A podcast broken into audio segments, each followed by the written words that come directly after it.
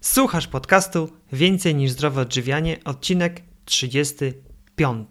W tym nagraniu poświęconym alergiom rozmawiam z Bożeną Kropka, autorką książki Pokonać alergię. Ja nazywam się Michał Jaworski i w tych nagraniach opowiadam o różnych aspektach zdrowego trybu życia. Jeżeli naprawdę zależy Ci na tym, czym karmisz swoje ciało i umysł, to te podcasty są właśnie dla Ciebie.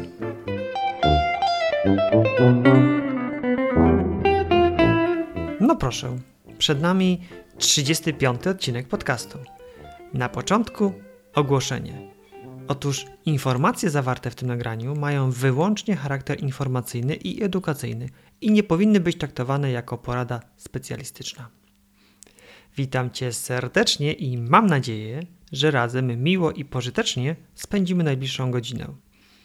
Dzisiejszy odcinek dotyczy trudnego i niejednokrotnie bolesnego tematu. Będziemy rozmawiać o alergiach. Bolesnego również dla mnie, ponieważ w mojej rodzinie także przechodziliśmy walkę z alergią. Jedno z naszych dzieci miało ostrą alergię, z którą walczyliśmy, a właściwie głównie robiła to moja żona Tatiana. Trwało to blisko 3 lata. To była trudna i długotrwała walka, która bazowała w zdecydowanej mierze na pracy nad dietą, dietą dziecka, ale nie tylko. Jak się później okazało, dobre nawyki żywieniowe, które wypracowaliśmy przygotowując dania dla al alergicznego dziecka w naturalny, organiczny sposób rozprzestrzeniły się na kuchnię całej naszej rodziny. To trudne doświadczenie było dla nas impulsem do głębszego zainteresowania się zdrowym odżywianiem, a w dalszej perspektywie do założenia bloga i nagrywania podcastów. Jednego z nich właśnie słuchasz. Od taka skrócona geneza powstania naszego bloga i cyklu podcastów. Dlatego ten odcinek, temat alergii, ma dla mnie szczególne znaczenie i bardzo, bardzo się cieszę, że do jego nagrania udało mi się zaprosić Bożenę Kropka, autorkę książki Pokonać alergię i wielką propagatorkę zdrowej, naturalnej kuchni. Już nie przedłużając, zapraszam. Witam Cię Bożena serdecznie. No, witajcie. Przedstaw się proszę słuchaczom mojego podcastu, kim jesteś i czym się zajmujesz. Nazywam się Bożena Kropka, jestem dietetykiem i promotorem zdrowia. I w zasadzie i jednym i drugim, bo to są dwa zupełnie odrębne zawody. Bardziej chyba nawet promotorem zdrowia. Jestem autorem poradnika mm, Pokonaj alergię. Opracowałam program 6 kroków wyjścia z alergii, który likwiduje mm, reakcje alergiczne, pseudoalergiczne, no i czasami jest w stanie wstrzymać y, autoagresję. Wiem również, że jesteś autorką książki. Tak. Co to jest za książka? Książka pojawiła się na rynku w 2009 roku i jest to taki poradnik, który składa się z trzech części w zasadzie. Pierwsza część omawia mój program 6 kroków wyjścia z alergii. Druga część y, dotyczy żywienia małego dziecka i y, wszystkich zabiegów, jakie trzeba zastosować, żeby ustrzec dziecko przed alergią albo wyleczyć to dziecko z alergii. A trzecia część to jest kuchnia naturalna. Tam między innymi znajduje się 250 przepisów. Kuchnia oparta jest na zaleceniach diety bez glutenu, mleka i cukru i jest to dieta niskohistaminowa. A książka ma tytuł Pokonaj alergię. Tak, Pokonaj alergię. Dziękuję bardzo Bożena. Prowadzisz gabinet doradztwa dietetycznego. Z jakimi dolegliwościami ludzie najczęściej do Ciebie przychodzą i w jakim są wieku? Dolegliwości są bardzo różne. Od alergii, bardzo często atopowe zapalenie skóry, oczywiście astma, autoagresja e, typu autoimmunologiczne choroby wątroby, trzustki, tarczycy, Hashimoto, reumatoidalne zapalenie stawów. E, bardzo, no, zakres tych chorób jest dosyć szeroki. No, są to choroby związane z dietą. No i zajmuję się takimi osobami w wieku różnym. Od małych dzieci, od noworodków, po dorosłych w wieku 60-50 lat, ale raczej, raczej małe dzieci. Więcej małych dzieci jest. Rozumiem. Leczenie dietą to takie podejście dość niekonwencjonalne w porównaniu do tego, co nam proponuje medycyna akademicka. Powiedz, jakie efekty udaje Ci się uzyskiwać? Y, no muszę powiedzieć, że efekty są zadziwiające. Naprawdę, jeżeli pomoże się układowi odpornościowemu, zregeneruje się go, wzmocni, odpowiednio odżywi, y, no to muszę powiedzieć, że efekty czasami same mnie zaskakują. Jakieś przykłady może podasz? E, no mogę podać na przykład e, dziecko, które ma lat 8, przychodzi do mnie z astmą sterydooporną, z informacją od lekarza, że przy następnym ataku duszności proszę modlić się do Pana Boga, e, żeby dziecko przeżyło. Po prostu w ogóle nie reagowały sterydy. Dziecko po każdym posiłku miało 38 stopni gorączki, opuchnięte wargi i duszności, czyli takie objawy wstrząsowe. E, po zastosowaniu mojego programu po około trzech miesiącach to dziecko w tej chwili mm, nie ma astmy. Zostały odstawione w zupełnie sterydy, ale podejrzewam, że niestety jak zacznie kwitnąć brzoza i trawy, troszeczkę ta, e, te duszności zaczną nawracać. Także, że to dla mnie był taki niesamowity przypadek dziecka, bo pierwszy raz zdarzyło mi się, że e, dziecko e, zupełnie odstawiło sterydy. I, i no i były takie efekty. To niesamowite, gratuluję. No w zasadzie, no muszę powiedzieć, że bardziej gratuluję rodzicom, że potrafią przestrzegać tych zaleceń ży, ży, żywieniowych, że mm, wierzą w to, że jednak może z drugiej strony nie mają nawet wyjścia i dlatego tak jest ale mm, no jest to zasługa wszystkich i dzieci, bo mimo wszystko muszą zrezygnować z niektórych pokarmów, i rodziców, którzy muszą gotować, no i oczywiście no, mój udział, że, że gdzieś tą wiedzę zdobyłam, usystematyzowałam, no i przekazałam rodzicom. Dobrze. Powiedz proszę Bożena, na czym polega Twój program, bo już o nim słyszałem, program 6 kroków wyjścia z alergii. Tych 6 kroków wyjścia z alergii w zasadzie powstało na potrzeby moich dzieci. E, ponieważ no, często tak właśnie jest, że, że jest jakaś potrzeba, więc szukamy rozwiązania. Moja młodsza, pierwsza córka e, miała topowe zapalenie skóry. E, szukałam dla niej rozwiązania w związku z tym, że ja mam celiakię, a mąż łuszczycę, więc lekarze tylko mi mówili, że, mm, no, że tu dziecko będzie skazane na sterydy. Ja oczywiście się na to nie zgodziłam, zaczęłam szukać. Zaczęłam szukać przede wszystkim w żywieniu. I okazało się wtedy, dotarłam do informacji pana profesora Jerzego Sochy z Centrum Zdrowia Dziecka w Warszawie i przekonały mnie te zalecenia. Pan profesor Socha mówił o tym, że e, w alergiach, pseudoalergiach, on już zwraca uwagę na te mm, reakcje pseudoalergiczne, trzeba zwrócić uwagę na kosmki jelitowe, na stan jelit, na to, żeby e, kosmki jelitowe były odpowiednio e, ukształtowane on przedstawił taką hipotezę, że dieta bez glutenu, mleka i cukru pomaga w regeneracji e, jelit. I doszłam do wniosku, że wprowadzę te zalecenia. I e, zobaczyłam, że faktycznie moja córka po wprowadzeniu diety bez glutenu, mleka, cukru z ograniczeniem histaminy, bo później dowiedziałam się o histaminie, zaczęły znikać wysypki. I założeniem tego programu przede wszystkim jest regeneracja jelit, uszczelnienie jelit, właśnie dietą bez glutenu, mleka i cukru i niskohistaminową i oczywiście wyciszenie reakcji pseudoalergicznych. To dowiedziałam się y, od pana profesora mm, Jarosza z Instytutu Żywności i Żywienia, że y, istnieje coś takiego jak y, reakcje pseudoalergiczne, gdzie układ immunologiczny reaguje wysypkami po zjedzeniu produktów, które na przykład zawierają konserwanty, barwniki, stabilizatory, na przykład kwasek cytrynowy, no i wprowadziłam wszystkie te zalecenia. Przede wszystkim e, bazując na tym, że trzeba odbudować florę bakteryjną, że trzeba odbudować kosmki jelitowe, usunąć e, wszystko to, co może drażnić układ immunologiczny w otoczeniu alergika, czyli na przykład roztocza. E, żeby wyeliminować nietolerancję roztoczy, to według pani Krystyny Optułowicz z kolei powinno się usunąć wszystkie zasłony, dywany, wszystko to, co łapie te roztocza, bez względu na to, jaką, jaki typ alergii y, jest. Czy to jest alergia wziewna, czy to jest pokarmowa, y, czy to jest skórna. Zawsze powinno się te elementy, mm, takie mm, ograniczenie ekspozycji na roztocza właśnie wprowadzić. I to też był następny element mojego programu.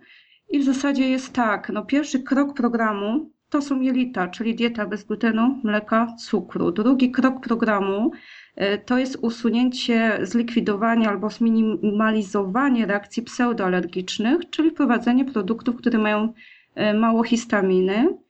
E, następny krok to jest odbudowa flory bakteryjnej, między innymi likwidacja kandydy, lambli, glistnicy, usunięcie e, tych mm, czynników, które są odpowiedzialne za zatrzymywanie roztoczy, detoksykacja organizmu.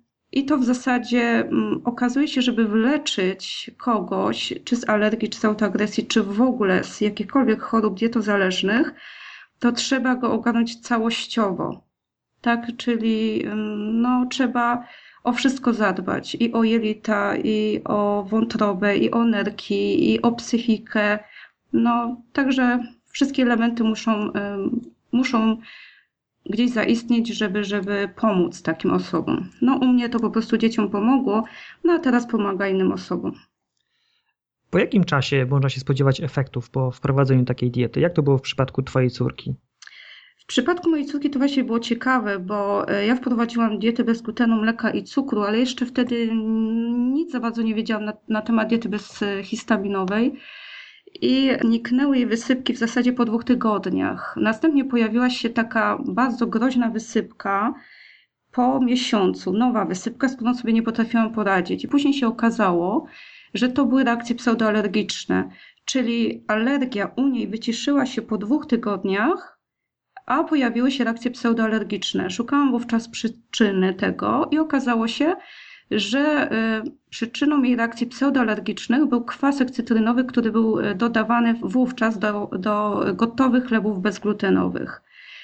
Jak w tej chwili to działa? W tej chwili działa to w ten sposób moich pacjentów. Wprowadzają program 6 kroków wyjścia z alergii i gdzieś około mm, powiedzmy na pewno 50% wszystkie najgorsze objawy, takie mm, uciążliwe objawy się zmniejszają. U wszystkich, u wielu pacjentów do 70% wyciszają się te objawy, no i później szukamy dalej i pracujemy nad, nad wyciszeniem całkowicie tych reakcji, ale gdzieś tak 3 miesiące i 50% naprawdę są mniejsze te objawy alergii. Ale najważniejsze jest to, że my po tych trzech miesiącach jesteśmy w stanie odstawić wszystkie leki. E, oczywiście robimy to pod kontrolą lekarza. Jeżeli idzie o leki przeciwalergiczne, to tak, to odstawiamy wszystkie. Jeżeli idzie o inne leki, typu na przykład przeciwpadaczkowe, bo ja również się zajmuję e, dziećmi, które mają padaczkę, które mają problemy z centralnym układem nerwowym, czyli takie, które mają autyzm, no, różne schorzenia centralnego układu nerwowego, między innymi też FAS, więc no, no widać te, te, te, te efekty. Z tego, co powiedziałaś, to zrozumiałem, że pseudoalergia jest takim troszeczkę koniem trojańskim, bo, tak. bo to już nie jest alergia, tylko jest to reakcja na, na wszechobecną chemię. Tak. Powiedz, czy jest jakiś sposób, żeby odróżnić alergię od pseudoalergii? Nie ma. W zasadzie objawy są takie same. E, jedynie robiąc testy, zwykłe e, testy alergiczne, można się dowiedzieć, czy to jest e, alergia, czy to jest pseudoalergia. Każdy pacjent, który do mnie przychodzi, musi no niestety wykonać bardzo wiele badań, bo często jest tak, że pacjenci są prowadzeni i nie mają podstawowych badań zrobionych. Są na przykład zrobione testy skórne, ale one tak de facto mm, za bardzo nie pokazują stanu zdrowia pacjenta tak naprawdę to ja muszę wiedzieć, jaka jest reakcja organizmu na alergeny pokarmowe i ja to widzę między innymi w teście pokarmowo-wziewnym. Takim zwykłym mieszanym teście, z którego bardzo dużo już potrafię wyczytać. E, robię na pewno IgE całkowite, robię e, enzymy trzustkowe, wątrobowe i, i tutaj po prostu muszę mieć pełny obraz pacjenta. Jeżeli widzę, że w teście alergicznym, tym y, mieszanym, są odchylenia, jest IgE całkowite podniesione, no to wiemy, że mamy do czynienia z alergią, ale tak de facto to ja się już y, raczej nie spotykam z pacjentami, którzy mają alergię. Oni mają i alergię, i pseudoalergię, bo skąd się bierze pseudoalergia? Pseudoalergia bierze się na przykład z zaburzonej flory bakteryjnej, czyli nawet nie kwestia tego, czy jemy niezdrowe produkty, które zawierają konserwanty, barwniki i tak dalej, ale sterydy, podawanie sterydów powoduje zaburzenie flory bakteryjnej. Tam zaczyna się w jelitach, między innymi zaczyna się rozmnażać grzyb. i wtedy występują reakcje pseudoalergiczne. W tej chwili leczenie pacjenta bardzo się zmieniło. Ja zajmuję się leczeniem pacjentów alergicznych w zasadzie od 17 lat. Od w zasadzie od tego momentu, kiedy pojawił się problem z moją córką. I e, kiedyś było o wiele łatwiej pacjenta wyleczyć niż obecnie. E, muszę powiedzieć, że właśnie przede wszystkim sterydy niszczą florę bakteryjną, czyli udaje się pacjenta wyleczyć z alergii, ale zostają pseudoalergie, dlatego że odbudowa flory bakteryjnej trwa czasami nawet półtorej do dwóch lat. Ojejku, bardzo długo. Bardzo długo. W tej chwili jest bardzo duży problem odbudować florę bakteryjną. Bardzo mało, może 10% moich pacjentów reaguje na e, suplementy, na probiotyki apteczne, że faktycznie poprawia się ta flora bakteryjna, ale reszta naprawdę bardzo duży problem ma z odbudową flory bakteryjnej i widzę, że co roku jest gorzej. Nie wiem, czy to jest spowodowane wodą, bo i, i chlor w wodzie niszczy florę bakteryjną, czy to jest spowodowane zanieczyszczeniami, stresem, bo okazuje się, że ta flora bakteryjna może być e, zniszczona nawet z przewlekłym stresem. A nie zdajemy sobie z tego sprawę, że na przykład dzieci alergiczne, one nie nadają się na eksploatację tak organizmu jak, jak dzieci zdrowe. Powinna u nich nastąpić regeneracja jelit, całe powinno być wprowadzone tych sześć kroków wyjścia z alergii, ale my nie pomożemy takiemu dziecku, jak ono będzie eksploatowane w ten sposób, że niestety y, dziecko jedzie na basen, jedzie na języki, jedzie na taniec, jedzie na naukę jazdy konnej i tak dalej. I ono, y, i plus zajęcia w szkole. I ono jest tak przeciążone, że niestety przeciążenie układu nerwowego wpływa na przeciążenie układu immunologicznego. I ja myślę, że my tak samo jako rodzice co roku dokładamy naszym dzieciom obowiązków. Mm, a y, dzieci chore, y, które mają, przede wszystkim, które mają chore jelita, y, mają niestety problem z przenikaniem toksyn alergenów, toksyn pasożytów czy grzyba przez barierę krew-mózg. I wtedy zaczynają się bardzo duże obciążenia centralnego układu nerwowego te dzieci zachowują się tak, jakby były pod wpływem alkoholu, a my im dokładamy obowiązków. I to jest też problem, tak mi się wydaje. A to przenikanie bariery krew-mózg to jest związane z nieszczelnymi jelitami, tak. czy to jest. Bo właśnie o to chciałem zapytać. Potocznie mówi się, że pewne produkty spożywcze, w szczególności jakieś zbożowe, zamulają jelita. Mhm. Mówi się też o pewnych nieszczelnościach. Właśnie o co chodzi z tą, z tą szczelnością lub nieszczelnością jelit? Tutaj największym problemem po prostu stał się gluten. Pod wpływem glutenu wytwarza się takie, takie białko w naszym organizmie, w jelitach konkretnie. To białko nazywa się zonulina i ono powoduje e, takie czasowe, jakby to powiedzieć, rozszczelnienie, rozsuwanie się komórek w jelitach. I e, przez te rozszczelnienia, to jest fizjologiczna sprawa, to jest jak najbardziej naturalna sprawa, przenikają strawione pokarmy. Ale pod wpływem glutenu wytwarza się za dużo tej zonuliny i wtedy te komórki nie pełnią swojej funkcji, są takie półotwarte. I jeszcze jak mamy problemy z zaburzoną florą bakteryjną, to wtedy jeszcze większy jest problem z przenikaniem e, niestrawionego pokarmu. Dlaczego gluten w tej chwili stał się takim problemem? Bo bardzo e, zmodyfikowaliśmy gluten, bardzo zmodyfikowaliśmy przede wszystkim pszenicę i ten gluten jest wszędobylski. A nasze jelita w tej chwili z zaburzoną florą bakteryjną, po antybiotykach, po sterydach, one nie radzą sobie z trawieniem glutenu, bo okazuje się, że ogólnie człowiek to nawet nie ma enzymów stricte trawiące gluten. I z tym sobie jakoś organizm radził do tej pory, ale w związku z tym, że ten gluten jest wszędzie dodawany, wszędzie, Ostatnio e, pacjentka znalazła informację, że w cukrze brązowym był dodatek glutenu, w zmielonej kawie dodatek glutenu. E, oczywiście już nie wspomnę o parówkach, nie wspomnę o wielu produktach, gdzie się wstrzykuje ten gluten, bo to jest najtańszy wypełniacz.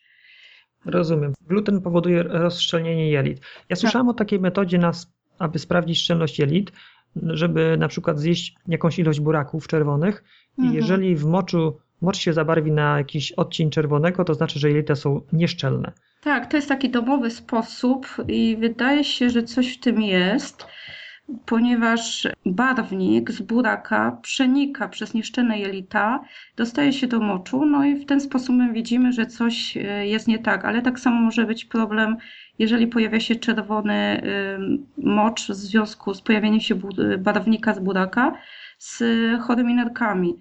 Ale mm, tak samo w tej chwili chore nerki też bardzo często y, związek tutaj jest y, no, jednak z alergenami, bo nerki muszą przepracować te alergeny. Jeżeli się okaże, że jest za dużo alergenów w organizmie, to wiadomo, że nerki nie będą funkcjonować normalnie. To też jest następny problem w tej chwili leczenie nerek. Rozumiem. A jeżeli się okaże, że ktoś ma nieszczelne jelita, w jaki sposób je uszczelnić? Właśnie to, jest, to są zalecenia diety bez glutenu, mleka i cukru. Y, Z tym, że kiedyś, y, na przykład jak ja te zalecenia wprowadzałam u pacjentów onkologicznych, y, to naprawdę po trzech miesiącach już było widać, że ten mocz nie jest czerwony, na przykład przy teście buraczanym, a w tej chwili regeneracja jelit często nie zamyka się w trzech miesiącach. Też To- trwa ponad rok. Mhm. No i właśnie musi być dieta bez glutenu, bez mleka, bez cukru, bo tutaj chodzi o to, żeby y, odbudować kostki jelitowe. Rozumiem. Wspominałaś też o odbudowywaniu flory bakteryjnej. W jaki sposób? O, no właśnie, wiesz, w jaki sposób? No tu jest problem, E, bo sama nie wiem, co z tym zrobić, bo tak, e, wiemy, że e, naturalne źródło bakterii kwasu mlekowego to są produkty zakwaszane mleczne i produkty kiszone, tak? I teraz alergik ma problem z histaminą, nie toleruje histaminy, dlatego nie toleruje kapusty kiszonej, nie toleruje, nie toleruje e, ogórków kiszonych, e, ma problem z tolerancją zakwasu z buraków i e, jakakolwiek próba wprowadzania zakwasów kończy się potwornymi wysypkami, więc tutaj nie można z tego źródła skorzystać. Takie błędne koło się zrobiło. Błędne koło. Następna sprawa, e, zakwaszane produkty mleczne. Nie ma o czym mówić. Alergik na początku leczenia nie toleruje e, produktów mlecznych, tak? Więc też nie możemy wprowadzić tych produktów mlecznych, zakwaszonych. Zostają bakterie kwasu mlekowego, te zwykłe apteczne. I tutaj też jest problem, ponieważ m, porządne, dobrze działające bakterie kwasu mlekowego e, są bardzo drogie. Jest też problem z grzybem, tak? Jeżeli jest candida y, za bardzo y, rozmnożona, też nie można odbudować tej flory bakteryjnej. I powiem tak, jeżeli dla mnie nie jest problem odbudować kostki jelitowe y, dietą bez glutenu, mleka i cukru, tylko oczywiście w tej chwili dieta bezglutenowa zrobiła się modna. I jest bardzo dużo błędów związanych z prowadzeniem tej diety. Ja dietę bez glutenu, mleka i cukru, mm, ja myślę, że jak zaczynałam leczyć tym, tym programem 6 kroków wyjścia z alergii, to prawdopodobnie może były 4-5, no myślę, że z 5 osób w Polsce, które już y, gdzieś tam myślały o tej diecie y, bez glutenu, ale ogólnie myśmy byli troszkę mm, zwalczani, tak? Ja pamiętam, jak próbowałam uzyskać gdzieś tam pozwolenie z Polskiego Towarzystwa Dietetyki, żeby móc wprowadzić te zalecenia, to wtedy dowiedziałam się, że szkodzę pacjentom i powinnam być e, z Polskiego Towarzystwa Dietetyki zupełnie wykreślona. E, A w tej chwili dieta bez glutenu, bez mleka, bez cukru, żaden problem, tak? Tylko, że znowu zrobiła się moda, zrobiła się taka sytuacja, że na diecie bezglutenowej można zarobić i ta dieta bezglutenowa jest źle prowadzona. No właśnie, jakie są podstawowe błędy najczęstsze przy prowadzeniu diety bezglutenowej? Najczęściej e, lenistwo. O, proszę. Jeżeli tak mogę powiedzieć, y, no bo niestety mm, ja sama zapłaciłam, w zasadzie przeszłam szkołę, skutki swojego lenistwa, gdy jeszcze nie potrafiłam piec chleba bezglutenowego i kupowałam gotowy chleb, mam tych 17 lat temu i okazało się, że był ten kwasek cytrynowy, który tak e, doprowadził do takich e, reakcji skórnych u mojej córki.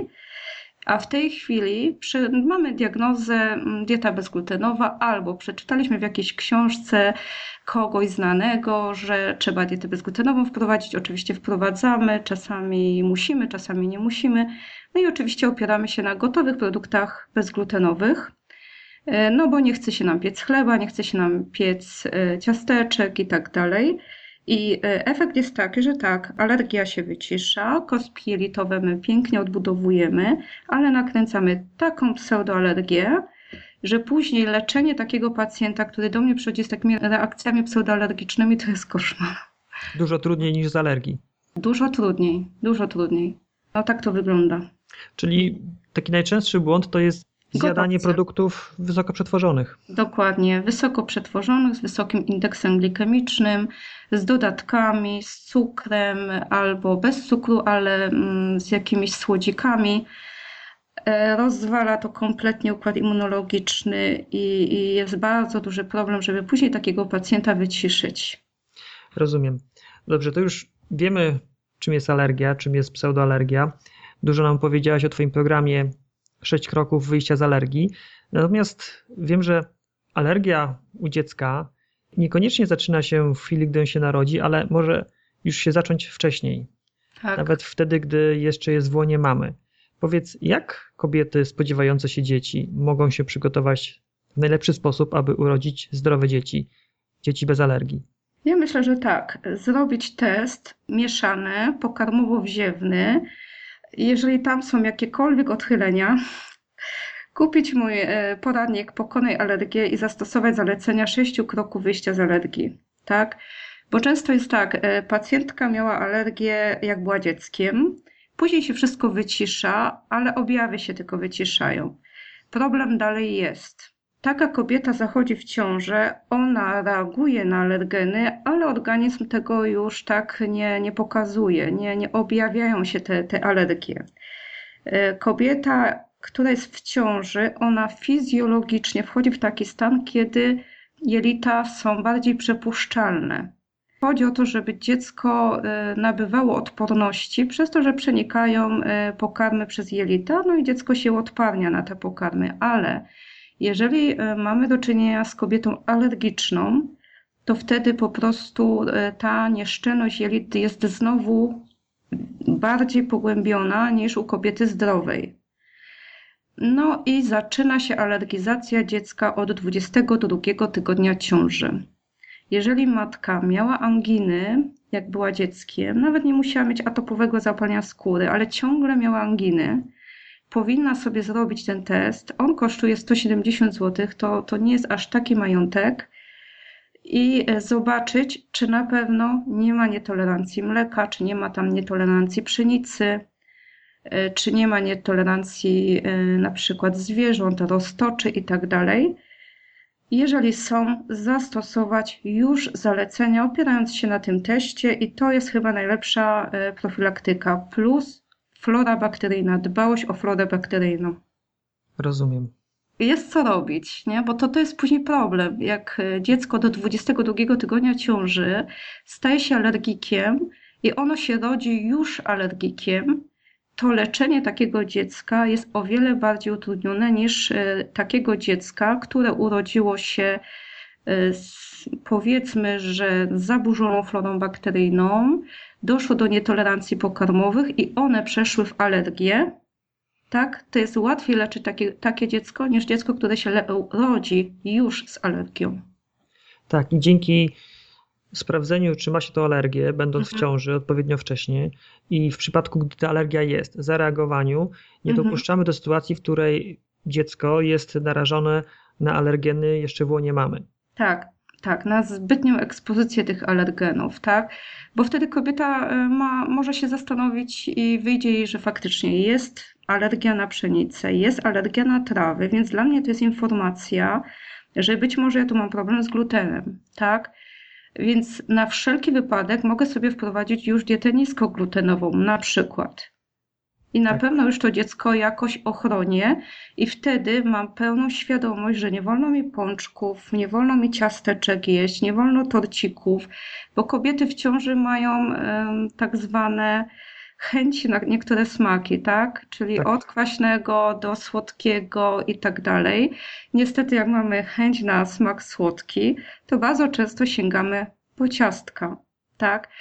I jak byłam w ciąży z pierwszą córką, nic nie wiedziałam na ten temat, pomimo tego, że e, jestem dietetykiem, nic nie wiedziałam na temat alergii, bo, bo po prostu nas jeszcze wówczas na ten temat, no, no w ogóle nam nic nie mówiono.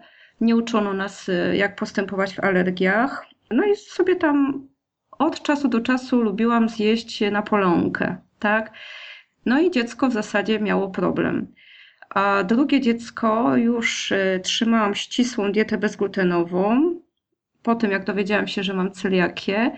No i ono z y, młodszą córką nie miałam żadnych problemów z glutenem i mlekiem i tak dalej. Ale rozumiem, że te zalecenia dla kobiet w ciąży, unikania jakichś pokarmów, to jest sytuacji, gdy testy alergiczne wykażą jakąś nietolerancję na te pokarmy. Tak, tak. Wydaje mi się tak, ale ogólnie mm, każda kobieta, każda w ciąży, ten okres ciąży, tych dziewięciu miesięcy, naprawdę można niesamowicie wpłynąć na zdrowie dziecka przez całe życie. I e, no, ja już w tym moim wieku, w którym jestem z moimi doświadczeniami, to jeżeli ja bym była w ciąży, to na przykład w życiu przez tych 9 miesięcy nie chwyciłabym się niczego, co jest e, przetworzone i niczego, co jest na bazie białej mąki. To szkodzi e, nienarodzonemu dziecku każdej kobiety, czy ona jest alergikiem, czy nie. W dzisiejszych czasach, tak? Czyli każde bułeczki białe, y, pączki, pizze i tak dalej, przez tych 9 miesięcy nie powinno być jedzonych. Oczywiście można sobie zjeść pizzę zrobioną w domu, z mąki pełnoziarnistej, nie ma problemu, tak?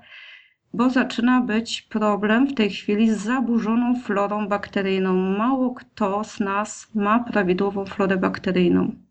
I dlatego zaczynamy bardzo źle reagować na współczesne produkty, które mamy do dyspozycji, niestety, przetworzone produkty. I na, naprawdę, naprawdę nie wiem, jak przekonać te kobiety w ciąży, żeby ten, te 9 miesięcy wzięły pod uwagę to, że alkohol, fakt, odstawienie alkoholu to w ogóle nie ma o czym mówić, ale to już w tej chwili nie jest sprawa alkoholu tylko, ale sprawa właśnie tego, żeby dieta była jak najbardziej zbliżona do diety naszych przodków, tak? Czyli produkty pełnoziarniste, najlepiej na orkiszu. Jeżeli chodzi o produkty mleczne, to tylko zakwaszane produkty mleczne. Idealnie by było, jeżeli by, mielibyśmy w tym, w tym czasie dostęp do produktów mlecznych ekologicznych. I tych 9 miesięcy to jest taka inwestycja, mm, że później naprawdę można odetchnąć. A wiadomo, 9 miesięcy jesteśmy trochę gdzieś tam, trochę sobie folgujemy z jedzeniem, no bo tu można to zjeść, tu tamto, bo mamy te zachcianki i później zaczyna się problem po urodzeniu dziecka. Ja mogę tutaj przykład podać e, z mojego podwórka. Mamy trójkę dzieci, dwójkę starszych. Gdy żona była w ciąży wiele lat temu, no jeszcze nie będąc w pełni świadoma tego, jak żywność wpływa na zdrowie, i córka, pierwsze dziecko, w sumie miała takie lekkie alergie, ale syn był alergikiem. Natomiast nasze trzecie dziecko urodziło się po dłuższej przerwie, kiedy już faktycznie mieliśmy świadomość tego, jak należy się odżywiać no i odpukać już teraz. Wszystko w porządku. Tak, ma ponad, Mhm. ponad rok, nie ma alergii na nic. Mhm. Bo tutaj wiesz, też jest sprawa tego, że mm, dlaczego drugie dziecko jest w gorszej kondycji niż pierwszej, tak? I tak, mm, tak myślą sobie, no przecież pierwsze dziecko odżywiałam się byle jak, urodziłam zdrowe, to dlaczego jest to drugie dziecko chore, tak? Bo my musimy wziąć pod uwagę, że jednak czym jesteśmy bardziej starsze, tym bardziej mamy zaburzoną florę bakteryjną, tym bardziej, tym gorzej pracują nerki, wątroba, tym bardziej organizm jest wyeksploatowany, tak? Także każda następna ciąża, jeżeli źle ją prowadzimy, źle się odżywiamy, no to jest bardzo dużym ryzykiem, że y, każde następne dziecko będzie w gorszej kondycji niż poprzednie. Już trochę powiedziałaś o naturalnej kuchni, bo to jest w sumie jedna trzecia Twojego poradnika to dotyczy tego, w jaki sposób przygotowywać pokarmy i właśnie korzystać z tej dobroci przepisów, jakie otrzymaliśmy od naszych przodków. No ale właśnie jakbyś jeszcze mogła dopowiedzieć, na czym polega ta kuchnia naturalna i jak powinniśmy się odżywiać, aby minimalizować ryzyko powstania alergii, a w przypadku, gdy ją mamy, to żeby jakoś ją wyciszać. Mhm. Ach, to wiesz, to też zależy od tego, z jakim alergikiem mamy do czynienia. Jeżeli mamy do czynienia z polialergią, czy alergią na wszystko, to wtedy musi być zastosowana dieta rotacyjna. I ona też jest opisana w mojej książce. Mm, ona polega na tym, że każdy produkt spożywczy, naturalny oczywiście, który bierzemy do ust, czy to będzie owoc, czy to będzie warzywo, i tak samo jajko, mięso i tak dalej, należy do jakiejś e, grupy zoologicznej lub e, klasy zoologicznej lub grupy botanicznej. E, jeżeli mamy do czynienia z polialergią, to wtedy my musimy daną rodzinę botaniczną podawać co 72 godziny. To jest bardzo skomplikowane. To tylko tak nadmieniam, że coś takiego jest i wtedy zalecenia diety rotacyjnej, ale dobrze opracowane, działają błyskawicznie, o wiele szybciej niż dieta bez glutenu, mleka i cukru, tak? I, i bez histaminy. Jeżeli mamy do czynienia z alergikiem takim, który ma tylko alergię na mleko, na gluten na przykład i powiedzmy histaminę, to wtedy wprowadzamy dietę naturalną. Na czym dieta naturalna polega? Dieta naturalna polega na tym, że jemy kasze, oczywiście e, bezglutenowe, najważniejsze jest to, żeby nie jeść non-stop tego samego, tak? Czyli e, zasmakowała nam kasza jaglana i ciągle jemy kaszę jaglaną. Alergik na coś takiego nie może sobie pozwolić. On musi zawsze wprowadzać dany produkt rotacyjnie, czyli na przykład w jednym dniu kasza jaglana, w drugim dniu ryż, w trzecim dniu ziemniaki, w czwartym dniu e, kasza gryczana. Rotacja, musi być rotacja, czyli e, kaszę naturalne, bezglutenowe, czyli kasza gryczana, mm, kasza jaglana, amarantus, quinoa, ryż naturalny, uwaga z kaszą kukurydzianą, ponieważ ma wysoki indeks glikemiczny i w zasadzie jej nie było w diecie naszych przodków. Amarantusa, quinoa, mm, amarantus był, quinoa nie było, ale to jest związane znowu z tym, że no niektóre produkty musieliśmy z zagranicy sprowadzić, tak, bo mm, no, to, troszeczkę by nam się to tutaj okroiło. Jeżeli idzie o warzywa, to wiadomo wszystkie, ale y, tutaj też musi być, musi być panel zrobiony, tak? Bo jeżeli w panelu widzę, że mm, powiedzmy ktoś jest uczulony na brzozę, to ta osoba będzie mm, no, miała problem z tolerancją cebuli albo będzie miała y, problem z tolerancją jabłka. Y, czyli też musimy zobaczyć, czy alergik może jeść dany produkt, tak? A co to jest ten panel? Panel to jest e, w laboratorium, każde laboratorium robi e, panel pokarmowo-wziewny. Mhm. Tak, i, i każdy pacjent, który do mnie przychodzi, to właśnie musi go zrobić i e, no tak jak mówię, ja już mam pewne doświadczenia, bo już siedzę w tych alergiach bardzo długo.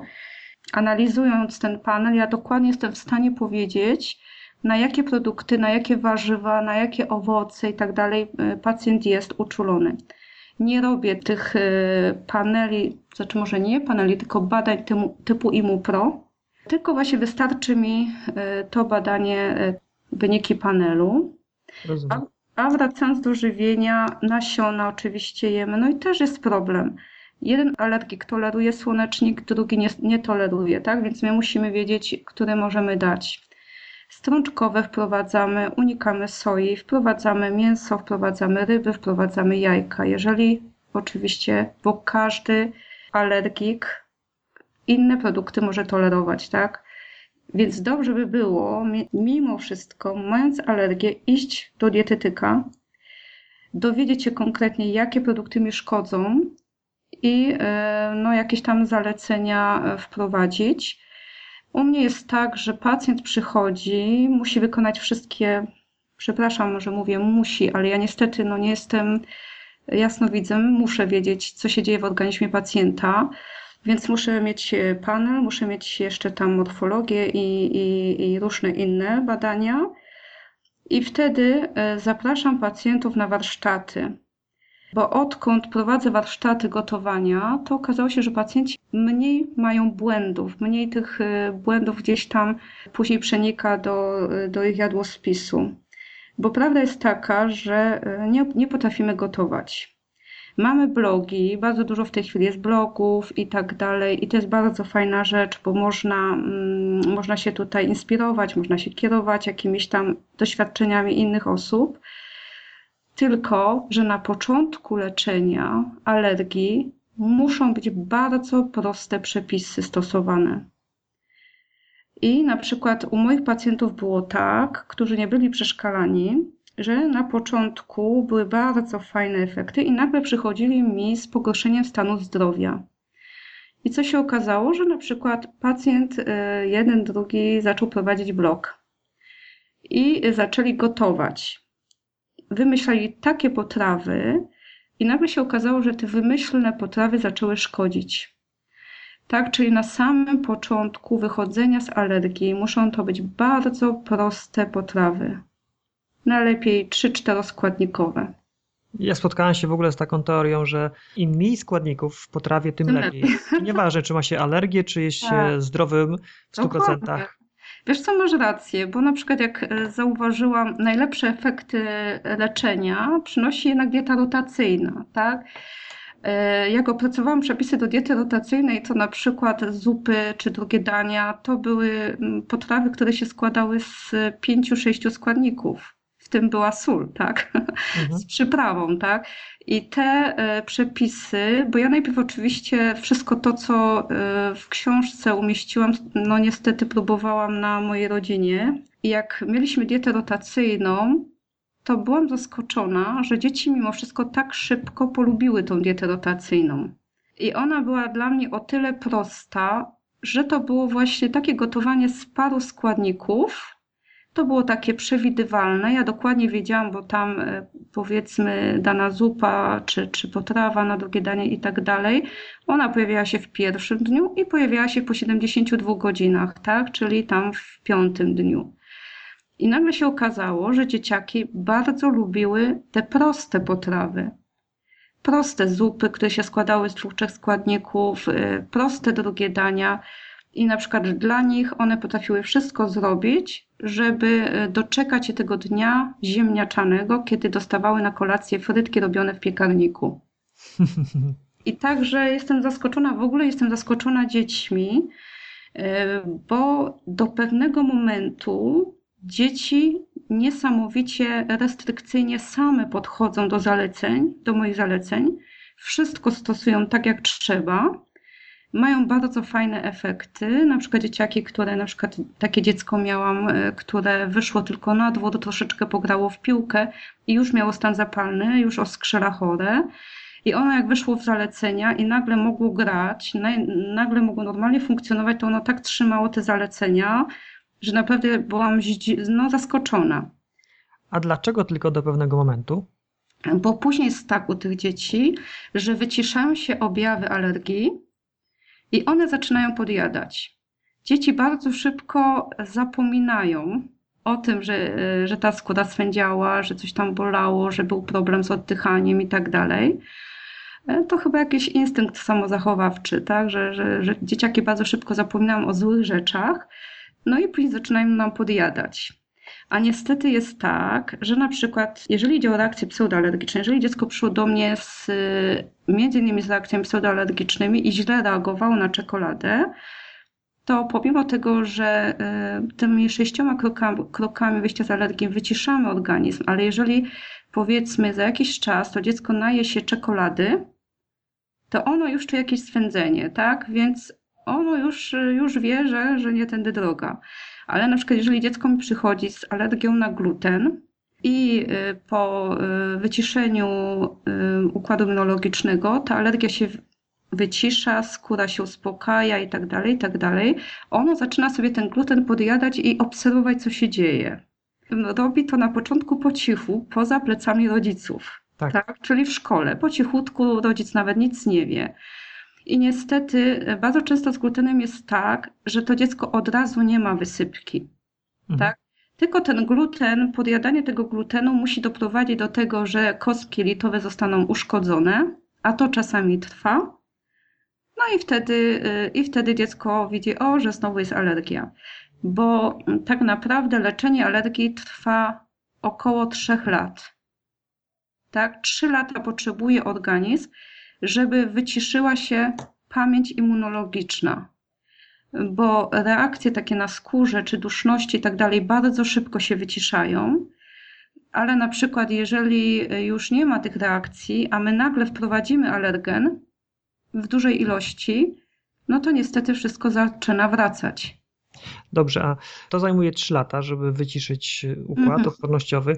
A tak. powiedz mi, pamięć, powiedz mi, czy po trzech latach taki pacjent już jest zdrowy i może jeść wszystko, kiedy chce? Nie. Pacjent alergiczny, y, trzeba jedno powiedzieć, już, już jest namaszczony. Tak? Mhm.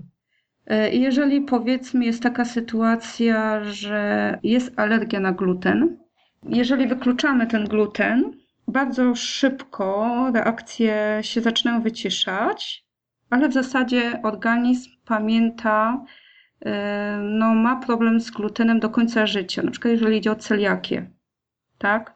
Tak.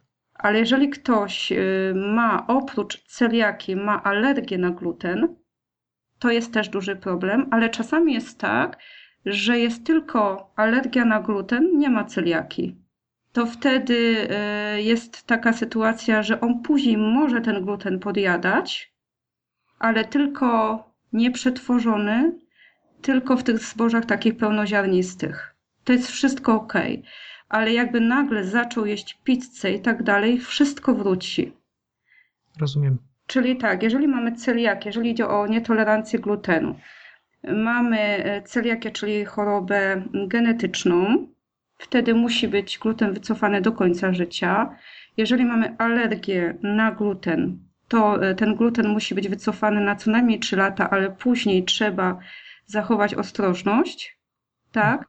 A jeżeli jest nietolerancja glutenu, bo nietolerancja glutenu może wynikać z tego, że na przykład ktoś przeszedł lambliozę i zostały czasowo uszkodzone kostki jelitowe, on te kostki odbudował i tylko jest nietolerancja glutenu, tak? To ta nietolerancja mija szybko i raczej nie ma później problemu z glutenem, tak? Czyli wszystko zależy od, od mechanizmu. Rozumiem. A w sytuacji, gdy ktoś miał alergię na gluten i po tych trzech latach mm, ta pamięć została wyczyszczona, mhm. to może spożywać ten gluten nieprzetworzony? Nieprzetworzony, tak. tak. I jak, obserwować organizm. A jak często, żeby nie za często? Za często ja myślę tak, na przykład mógłby spokojnie e, chleb bezglutenowy sobie, na, e, znaczy chleb pełnoziarnisty zjeść na śniadanie albo zjeść na drugie śniadanie, ale na przykład już bym unikała wtedy w następnych potrawach glutenu. Tego bo nie ma takiej potrzeby, tak, czyli nie ma potrzeby, żeby, nie wiem, zagęszczać zupę mąką, znowu jakąś tam odkiszową, tak? nawyk, tak? Mhm. Że, że na przykład rano jem e, bułkę pełnoziarnistą, no to już raczej nie bawię się w naleśniki. Tak. Nie? Jeżeli sobie e, zjem rano gęstą zupę jarzynową albo jakąś tam kaszę bezglutenową z warzywami, nigdy nie jemy kasz z owocami na śniadanie. To jest straszny błąd, jaki e, często się popełnia w diecie alergika E, więc jeżeli jemy te, mm, rano jemy kaszę, no to możemy sobie e, na obiad zjeść naleśniki. Dobrze, a powiedz, a czemu kasza z owocami na śniadanie w diecie alergika jest błędem? Dlatego, że w tej chwili mamy bardzo zaburzoną florę bakteryjną, tak? I e, jedzenie czegoś mm, na słodko, bo to jest zazwyczaj podawana potrawa na słodko, mhm. E, może już nam zaburzyć tą florę bakteryjną, a poza tym mamy problem z utrzymaniem poziomu cukru na takim samym poziomie, tak? Ale chodzi o to, że jeżeli jemy na śniadanie kaszę jaglaną z jabłkiem, tak. to e, za 2-3 godziny jesteśmy potwornie głodni, tak? I najlepiej w diecie alergika przestrzegać zasady takiej, żeby ten poziom cukru nie ulegał wahaniom, czyli każda potrawa powinna e, być taka zbilansowana, czyli powin, powinien być tłuszcz, powinien być jakiś rodzaj białka zwierzęcego albo roślinnego, powinien być węglowodan i warzywo. Rozumiem. Nie? Czyli zbilansowane i wtedy jest poziom cukru całym czasem taki sam. Dobrze. Trudne tematy, co? Tak, trudne tematy.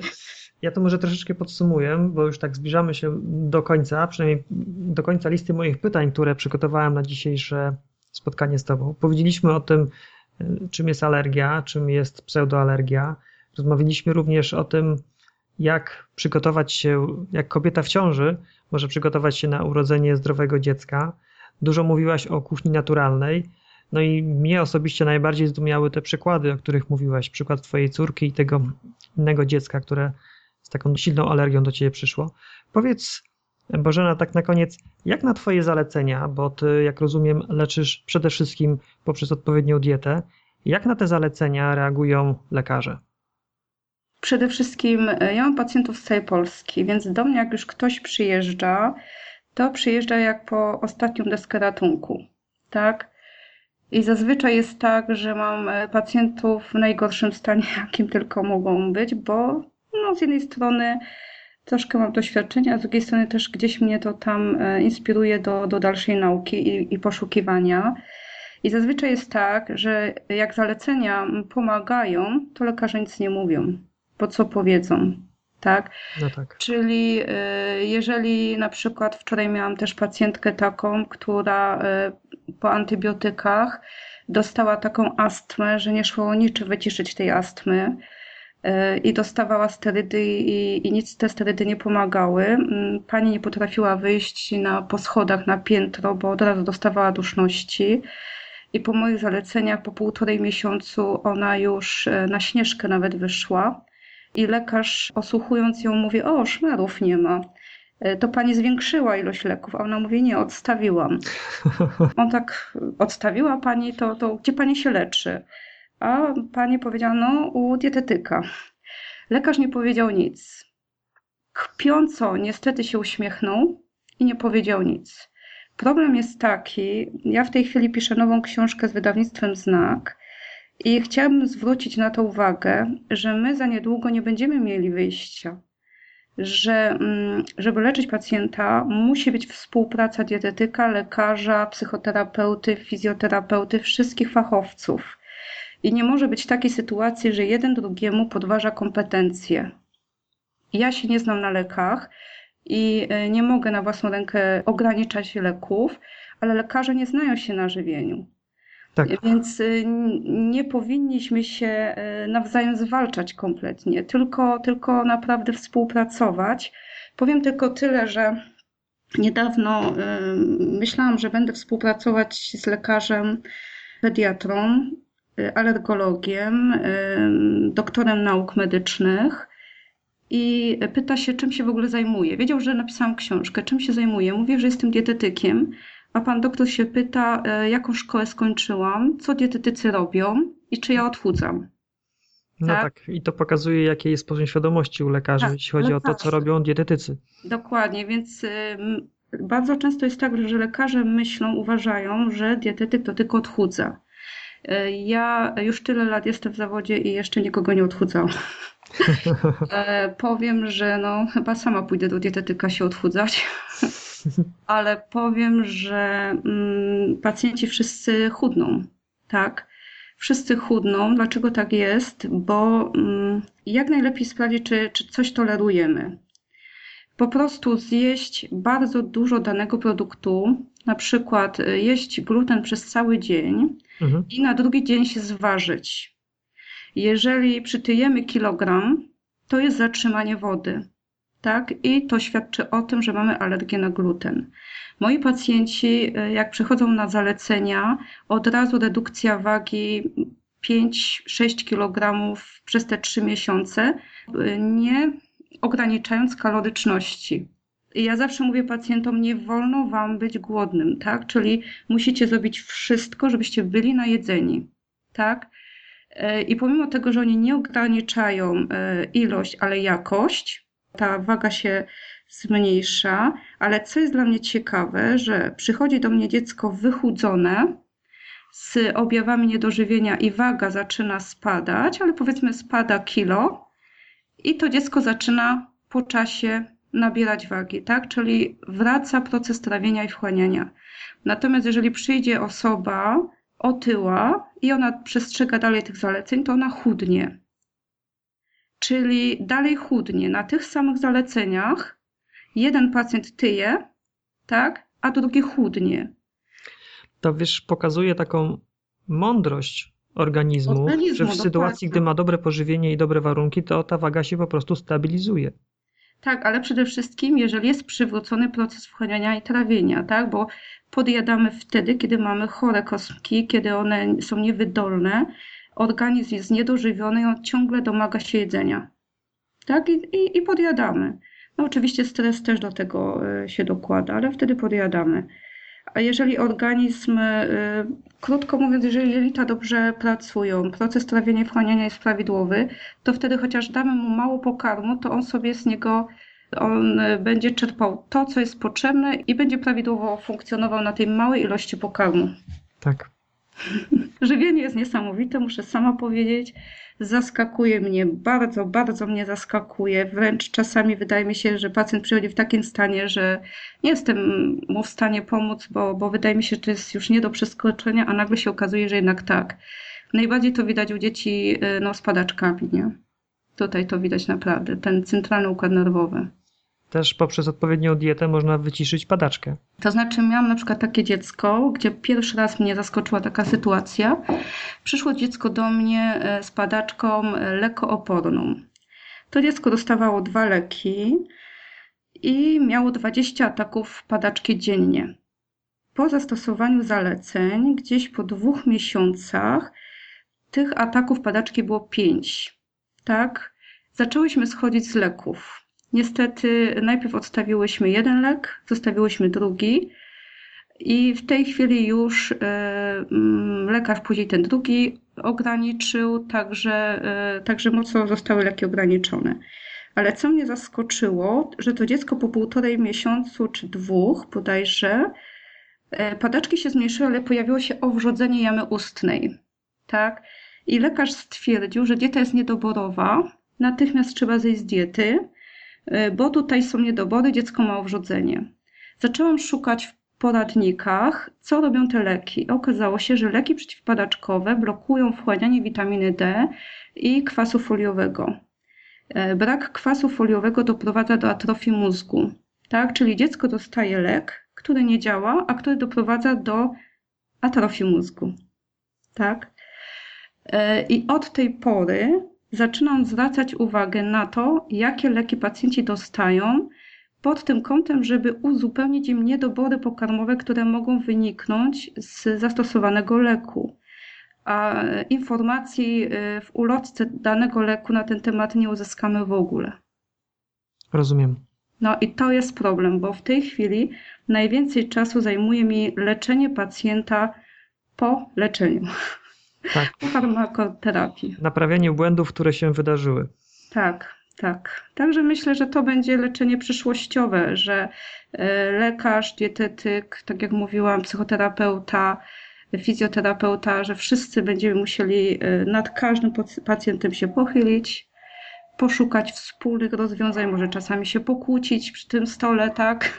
Tak. E, o tego pacjenta, że nie, że może tego leku to mniej, może tego to więcej, po prostu pokłócić się i, e, i wtedy wprowadzić zalecenia e, pacjentom, bo każdy pacjent jest inny. To, że są wytyczne jakieś opracowane, to niestety nagle się okazało, że leczenie alergika tutaj, mm, te wytyczne nie zdają egzaminu, tak? Tak. Organizm każdego alergika działa inaczej. Rozumiem. No. Bożena, bardzo duża ilość konkretnego materiału i informacji. No, wiem.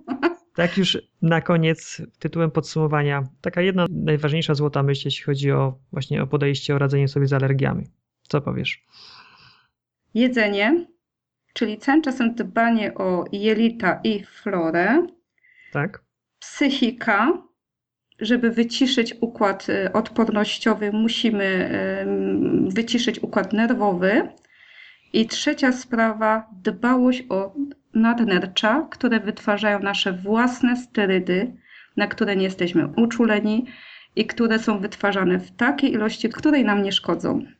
Akurat o nad, nadnerczach dzisiaj nie mówiliśmy, ale to może być doskonały temat na któryś z przyszłych podcastów. Myślę, że tak. Jak znajdziemy jakiś wolny czas jeszcze, Tak. to myślę, że chętnie, chętnie powiem na temat nadnerczy, bo to jest też e, temat, który zupełnie jest niedoceniany. Mhm. Dziękuję Ci bardzo za wywiad. Proszę bardzo.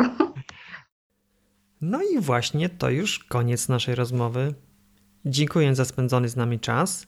Mam nadzieję, że wyniosłeś z niej coś, co spowoduje, że alergia będzie dla Ciebie choć odrobinę mniej straszna i że będziesz wiedział, wiedziała, jak sobie z nią poradzić. Jak zwykle, prośba. Jeżeli nagranie Ci się podobało, to oceń je proszę w systemie iTunes. Jeżeli podobało Ci się bardzo, to daj 5 gwiazdek. Jeżeli mniej, to odpowiednio mniejszą ilość. Ważne, aby to była Twoja szczera ocena, abym ja wiedział, co Ci się podoba, a co mogę jeszcze poprawić. Dodam, że Twoja ocena przyczyni się do tego, że podcast będzie lepiej widoczny w wyszukiwarce. Dzięki temu inne osoby interesujące się zdrowym stylem życia, takie jak Ty, łatwiej będą mogły go odnaleźć. Z góry dziękuję za wszystkie oceny. Kluczowe informacje, o których mówiliśmy, wraz z kompletnym transkryptem tego nagrania, znajdziesz w notatkach do tego podcastu dostępnych pod bezpośrednim linkiem www.więcej niż zdroweodżywianie.pl ukośnik 035 bez polskich liter i bez spacji. Na koniec pytanie. Co dla Ciebie jest najtrudniejsze w radzeniu sobie z alergią? Odpowiedzi możesz zamieścić w formie komentarza pod tym podcastem lub wysłać mi bezpośrednio na maila. Adres znajdziesz na naszym blogu więcej niż zdrowe odżywianie w zakładce o nas. Dziękuję za uwagę i do usłyszenia za dwa tygodnie. Cześć.